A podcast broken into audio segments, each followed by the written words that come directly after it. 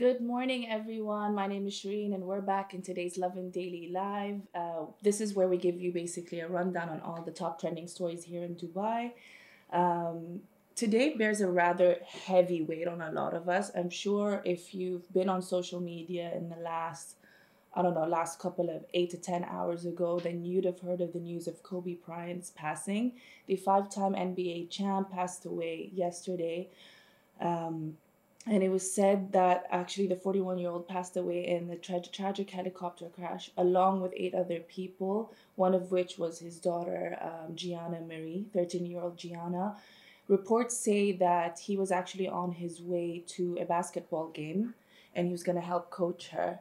Um, and the helicopter crashed somewhere in between calabasas and los angeles and the whole world has been in mourning ever since. I, for one, when I heard about it, I was just sitting with my friends and um, someone read it out loud. I think she's um, a friend of mine read it out loud. I think she saw it on like a Twitter page or something.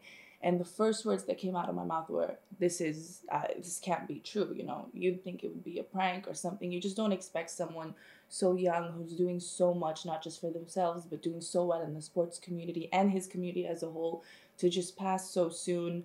But like, um, basically to verify these sources to make sure that it was real because it was such a shock.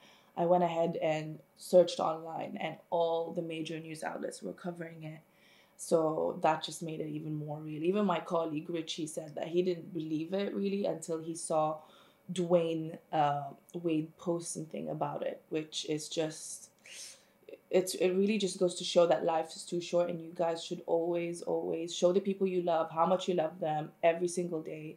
Dubai is in mourning as well. Um, Kobe Bryant's name is trending everywhere on Twitter um, entrepreneurs in Dubai, like Ahmed bin Sulayem, posted a photo of when Kobe visited in Dubai back in 2013.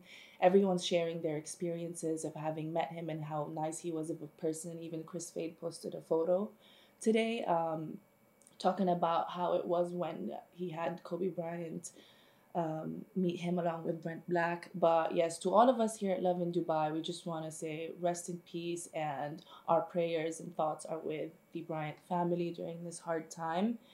Um, and everything there's there there's there's really a lot of news updates as we go. Like our group chat, the Lovin Dubai group chat, is filled with now like videos.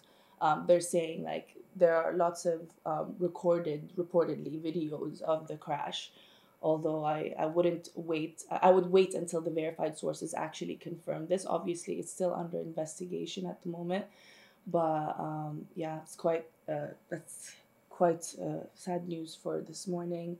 On to our next story. We'll want to talk to you guys about abu dhabi uh, the abu dhabi public health center denying rumors that there's a patient who was diagnosed with coronavirus in abu dhabi so they actually established in the capital last year. They denied the rumors and said that the new coronavirus, be also being called the Wuhan virus since it kind of uh, originated from Wuhan in China, um, is not in fact in the UAE. We do not have a patient diagnosed with it in the UAE.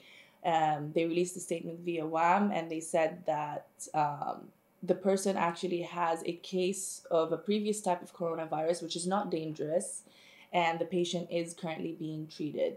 At the moment, you guys, the death toll probably keeps rising, but reportedly, um, as this was last written, this article that I'm reading this off of on our website, there have been 56 deaths and over 2,000 cases, and there have been at least three cases reported in the US.